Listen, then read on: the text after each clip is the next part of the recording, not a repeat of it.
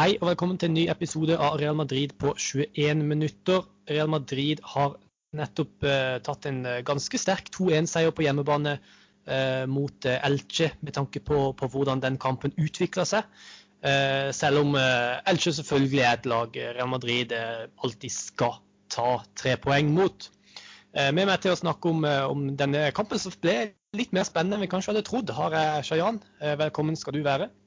Tusen takk for det. Vi eh, hadde nok ikke helt sett for oss at vi kom til å prate sånn som dette om Elche-kampen, fordi at eh, de er jo et lag som ligger ganske langt nede på tabellen, og, definitivt er, nede og, og, kjemper mot nedrykk. Um, så at de kom til å spille så jevnt med Real Madrid på uh, Estadio Alfredo Di Stefano, det var det vel ikke mange som hadde sett for seg.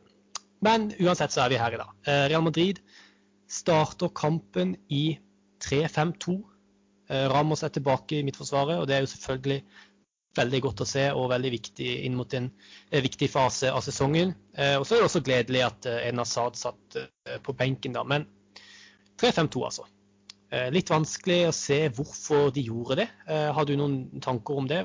Var det Nacho rett og slett som fortjente å fortsette å spille, og kanskje han fungerte bra i en 3-5-2, eller hva, hva tenker du om det?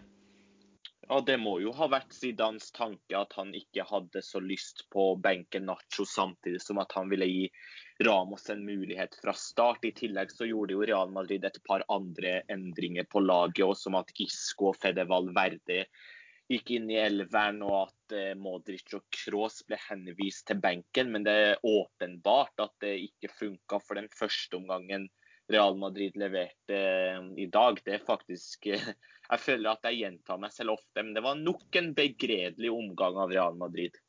Ja, rett og slett helt katastrofe. Det var, jeg skapte ingenting. Eh, jeg kjente det at før kampen begynte, så syntes jeg egentlig det var litt kult at de spilte 3-5-2. Syns det var kult at Nacho fikk starte og at Ramos var tilbake. Jeg synes egentlig det virka som en ganske god idé. Helt til du faktisk skulle se Felan Mendy prøve å skape sjanser på venstrekanten. og og eh, Benzema og Venicius prøver å kombinere der på topp. Det, det funka rett og slett bare ikke. Og det virka som at spillerne ikke var komfortable i verken formasjonen eller de posisjonene de spilte. Det virka som de spilte i et uh, helt nytt system, noe de til en viss grad også gjorde. Og uh, så vidt jeg kan huske, så var det vel ingen store sjanser i første omgang? Eller glemmer jeg noe? Nei. Nei, Real Madrid hadde ikke Jeg tror Real Madrid bare hadde ett skudd på mål eller noe sånt i første omgangen. Ja, de hadde mye ball, eh, men de som vanlig klarte ikke å bryte ned et lag som ligger dypt. Og, og eh, skapte rett og slett veldig lite. Så det er egentlig ikke så mye mer å si om den første omgangen. For det var jo i andre omgangen alt eh, skjedde. Andre omgang fortsatte jo i egentlig akkurat samme spor som i første omgang. Real Madrid gjorde ingen endringer. Og jeg eh, klarte jo heller ikke å skape noen, noen sjanser i begynnelsen av, av, andre omgang. Jeg er litt overraska over at Zidane ikke foretok seg noe i pausen. Nei, jeg er vel egentlig ikke særlig overraska, for han har en vane med å vente litt før han gjør endringer. Og det viste seg jo nok en gang at de endringene han gjorde, ga bra resultater. Jeg syns at han har bomma en del taktisk og litt med de elverne han har valgt den siste tida. Men én ting har han truffet veldig, pro, veldig, bra på de siste kampene. og det er at Byttene han gjør, kommer inn og gjør en god jobb. Og med en gang Tony Cross og Luka Modric kom inn, samt Rodrigo, så endra kampen seg totalt etter en time. Ja. Vi skal prate litt mer om uh, Rodrigo når vi kommer til skåringa etterpå. Men uh, jeg kan jo bare røpe litt at vi, vi er begge begeistra for han, og kanskje dette var et tegn på at han burde få starte fast for Real Madrid, da. Eh, uten å røpe for mye. Ehm, litt eh, rar situasjon og litt dumt at vi må prate om dette her igjen. Vi skal ikke bruke for lang tid på det. Men Real Madrid skal vel ha straffespark, skal de ikke? Når Ramos ja. blir dratt ned i boksen. Ja, den, den, bør være ganske åpenbar. Og jeg registrerer på Twitter-kontoen min at uh, det var mange som var i harnisk over den avgjørelsen. Ikke at Twitter alltid er representativt for hva som er rett og galt, men jeg har sett den situasjonen igjen, og jeg syns han blir dratt ned, og at det der burde vært et straffespark. Ja. Hans situasjon forrige, forrige helg uh, syns jeg faktisk var mindre klar enn denne. Og jeg var ganske klar på at det skulle være straffespark også, men denne her syns jeg faktisk er enda klarere. For her er det, det er holding. Han, eh, tar et godt tak rundt armen til Ramos, og så legger han seg ned, og derfor drar han med seg Ramos ned. Og at det blir dømt som frispark andre vei, er jo helt ufattelig. Og er et tegn på at dommeren fullstendig misoppfatter den situasjonen. Og derfor så burde det vært noe videodømming inne i bildet. Men Ja, det ble ikke dømt. Eh, og Elche ble vel, kunne vel strengt tatt også fått et straffespark etterpå. Eh, Ramos feller eh, det var Guido Carrillo i eh, Real Madrid 16 meter. Eh, det, ble, det ble blåst for offside, og så viser det seg at Carrillo ikke var i offside. Så eh, det gikk nok litt begge veier i denne kampen, da. Og så eh, var det ikke mange minuttene før Elche satte ballen i mål, da. Hva syns du om den situasjonen? For den syns jeg egentlig er litt rar. Fordi det virker litt som, som at eh, Casemiro går jo over ende. Og det virker litt som at alle Real Madrid-spillerne, eh, utenom Varan, regner med at Casemiro skal få frispark der. Ja, Eh, det, det skjedde veldig raskt, den situasjonen der. Den kom så brått på. Jeg så bare at Casemiro gikk ned, og at Calvo dukka opp og smelte ballen i mål med huet knallhardt. Så det var litt uventa at eh, det der skulle skje, og da gikk jo Elche opp i ledelsen. Men jeg venta jo hele tida der på at her må det jo ha vært frispark eller noe sånt. Men det var det, Mm. det, var det altså ikke, og det er helt riktig. Ja, helt enig. Det er en sånn situasjon som dommere ofte kan blåse på, eh, og som frustrerer meg helt vanvittig. At en eh, forsvarsspiller bare kan legge seg ned i boksen, og så blir dommere veldig ofte lurt. Eh, Så jeg syns det var helt, helt rett at ikke det ble dømt frispark til Casemiro der. Og så er det jo en strålende skåring av, av Kalvo der når han eh, stanger den ballen i mål. Men igjen litt sånn rar situasjon. Virker nesten som at eh, Real Madrid-forsvaret bare sovna litt og forventa at Casemiro skulle få frispark der. Så en litt sånn rar situasjon. Og da må jo Real Madrid jakte scoring, noe noe de gjør eh, på samme måte som de alltid har gjort det. Nemlig ved å slå masse innlegg og håpe at Casemiro og Benzema dukker opp på slutten. Og stanger inn mål, et mål, eller får en retur, eller kanskje de får et langskudd eller noe sånt. Hva, hvor, eh, prøv å sette litt eh, ord på det du følte eh, de minuttene hvor Real Madrid stanger og stanger og, og ikke klarer å skape noe. Nei, jeg bare tenkte at OK, det er virkelig en sånn dag på jobben igjen. Jeg føler at det har vært et gjentagende problem for Real Madrid at de ikke klarer å prestere mot antatt svakere lag på hjemmebane. Men for å være helt ærlig så skrev jeg i pausen på Twitter at eh, det som mest sannsynlig skjer i andre omgangen, det er at Casemiro eller Benzema kommer med noe avgjørende mål, og at Real Madrid vinner denne kampen. Og det skjedde jo. Benzemas utligning det kom jo da på et eh, kort hjørnespark hvor Modric la inn med venstrebeinet sitt etter hvert. Og der dukka jo selvfølgelig Benzema opp og nikka inn 1-1-skåringen. Og så er jo det det som kommer på overtid, der det er jo et kunststykke av en skåring med venstrebeinet, der Rodrigo bare bryster ballen ned til Benzema som på med venstrebeinet bare smeller den knallhardt via stolperota i mål. Ja, ja en nydelig skåring. Um, men jeg vil bare prate litt om den første først. for Som du sier, så er det det er jo et innlegg. Uh, og vi sitter jo ofte her, og jeg ser mye på Twitter, folk som klager over alle disse innleggene Real Madrid slår. Men det er jo det skåres jo vanvittig mye mål av det. Uh, jeg så en, en, jeg husker ikke akkurat navnet på han, men en, som, en skrev, som skrev på Twitter at Kroos sin innleggsfot har jo egentlig blitt Real Madrids farligste angrepsvåpen. For at den er så presis, og du har såpass gode hodespillere i boks at man skaper veldig mye sjanser av det. Um, så bare litt sånn Kanskje tenke litt på at uh, ja, man står mye innlegg, men man står kanskje innlegg av en grunn, da. Ikke sant? Ja da, Hva tenker du om det? Jo, det er jo åpenbart at det funker. Og Karim Benzema han er jo faktisk en spesialist på det der. Det der gjør han gang på gang på gang, at han dukker opp i riktige posisjoner i boks. Men det som er Mm. problemet, det er jo at Real Madrid bør ha flere strenger å spille på enn at man i hver Ja. eneste kamp mot bunnlag bør håpe på at det skal komme en skåring etter et innlegg. Det er vel det som også frustrerer meg, at det tidvis ser ut som at det er det eneste våpenet Real Madrid har. At Benzema, Casemiro eller Ram skal dukke opp i boks og heade inn en scoring. Så det er jo det som gjør at mange er frustrerte. Men det har jo funka i mange år under Zidane, og Real Madrid har jo vunnet mange titler av å spille på den måten der. Ja. Så det er det som du sier. Eh, selv om de skårer mål på det, så, så, er det jo åpenbart at de trenger flere strenger å spille på. Eh, og det syns jeg egentlig du så veldig godt etterpå. For som du sa i stad, eh, Real Madrid gjør, eh, eller Zidane gjør tre bytter. Innkommer Modric, Cross og Rodrygo.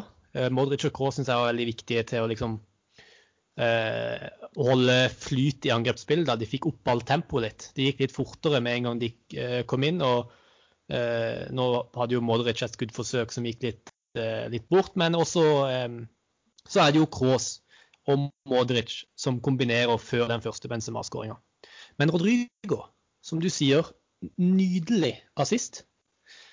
Eh, og han er faktisk Her har jeg noen, noen tall til deg. 0,7 assist per 90 minutter i La Liga. Han har fem assist i La Liga denne sesongen. Eh, og 0,7 per 90 i La Liga er soleklart best i Real Madrid-laget. Er det noen som helst måte å forsvare eh, at Marco Ascencio starter mot Atalanta på tirsdag, og ikke Rodrigo?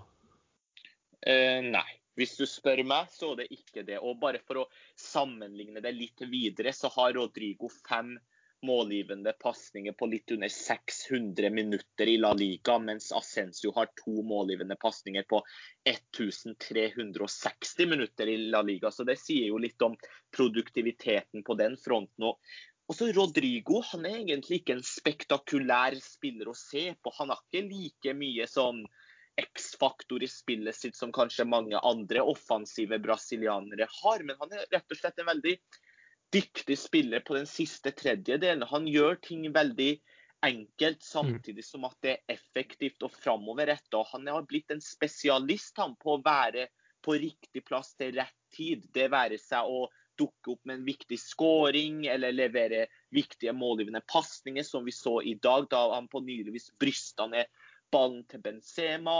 Bare 20 år enda kan utvikle seg masse. Så for meg så er det ikke noe tvil om at han bør inn i elveren. Men det tror jeg egentlig Zidane også er enig i. Vi må huske på at Rodrigo har vært ute i flere måneder nå. og Jeg blir faktisk litt overraska om han ikke starter mot uh, Atalanta.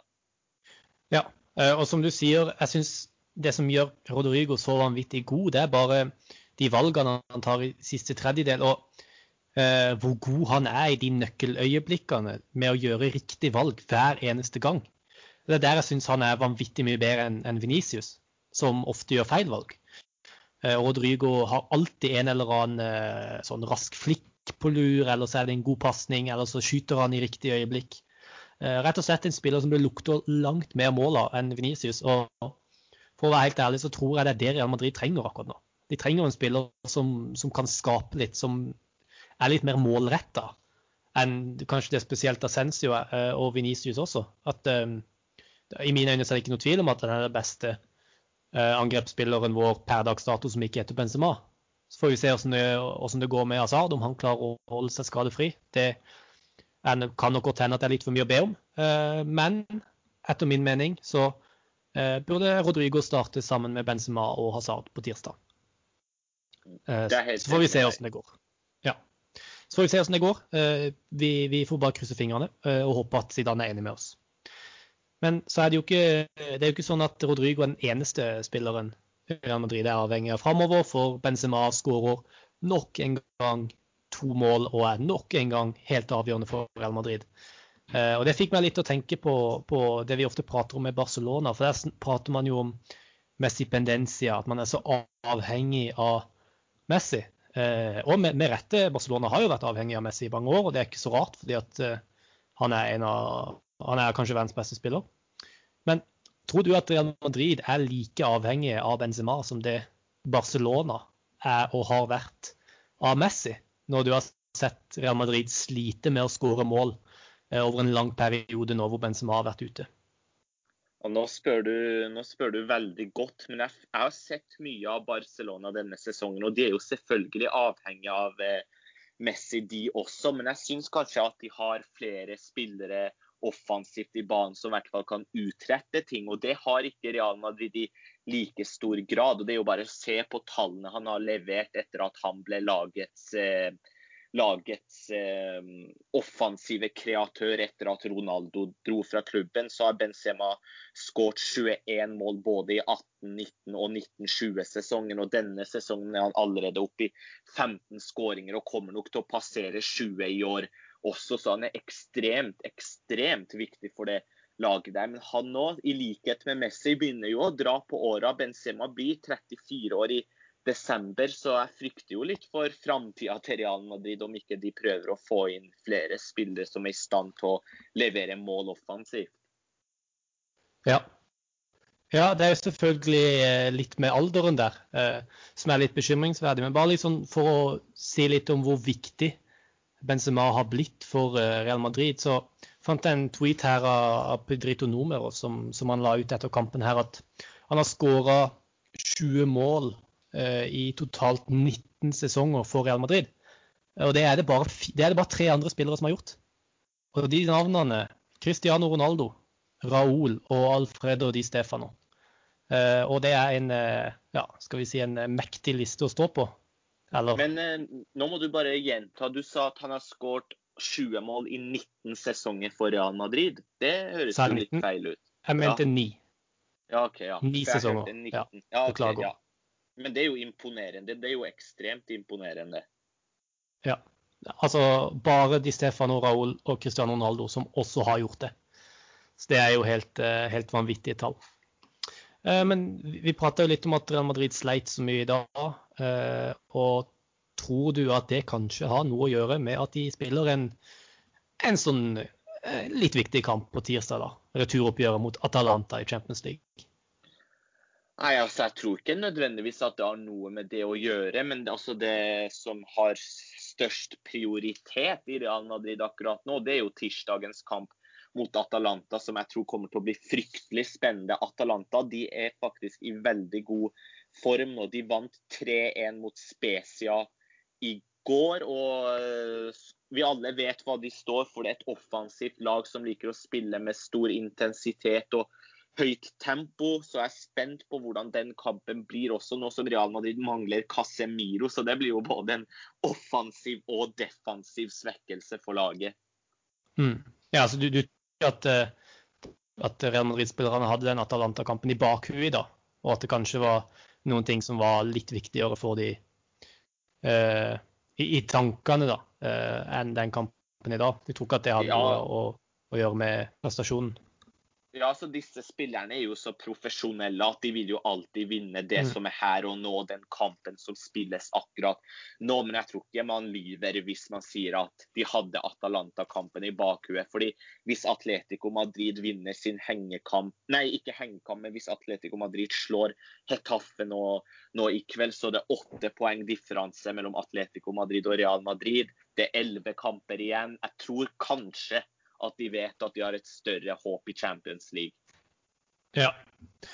Eh, så får vi se hvordan Real Madrid gjør det resten av sesongen i La Liga. Vi får jo håpe at både Barcelona og Atletico Madrid går på iallfall noen poengtap, da, sånn at vi kan få litt spenning og at vi kanskje kan drømme litt om å forsvare den La Liga-tittelen, selv om det ser litt mørkt ut nå. Men du, du, sa det til meg før vi gikk på her, at du har sett en trend som eh, kanskje lover litt godt da, for Real Madrid med tanke på på Champions League og den avgjørende fasen av sesongen?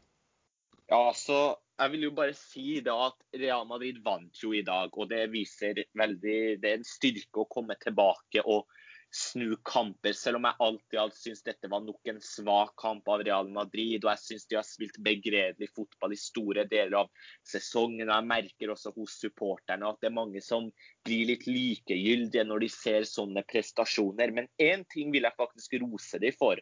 Og det er at eh, de fem siste skåringene til Real Madrid i de fire siste kampene, det har kommet i minutt 86, 89, 88, 73, 91. Mot Atalanta var det en sen skåring av Ferland Mendy som avgjorde kampen. Og sist mot Atletico Madrid var det Benzema som nok en gang sto fram og utligna. Og han skårte også vinnermålet på overtid i dag, som var første gang på fem år at Real Madrid vinner en kamp på overtid. Sist var mot Deportivo la Coruña, og nå hører jeg at klokka di går. Så da får vi bare si at det var det siste i dag, og det, den sekvensen der jeg ville rose Real Madrid, da. Ja, og det er jo lovende statistikk. Det viser at Real Madrid er best når det gjelder, og best når kamper skal avgjøres. Eh, og vi får håpe at det er en statistikk som, som kanskje fortsetter da, når Real Madrid skal spille avgjørende kamper i Champions League. Eh, det gjør de jo allerede på tirsdag, så da prates vi igjen. Takk for at du var med i dag, Shayan. Bare hyggelig. Og takk til alle dere som hørte på. Og så til neste gang, da. À la Madrid. À la Madrid.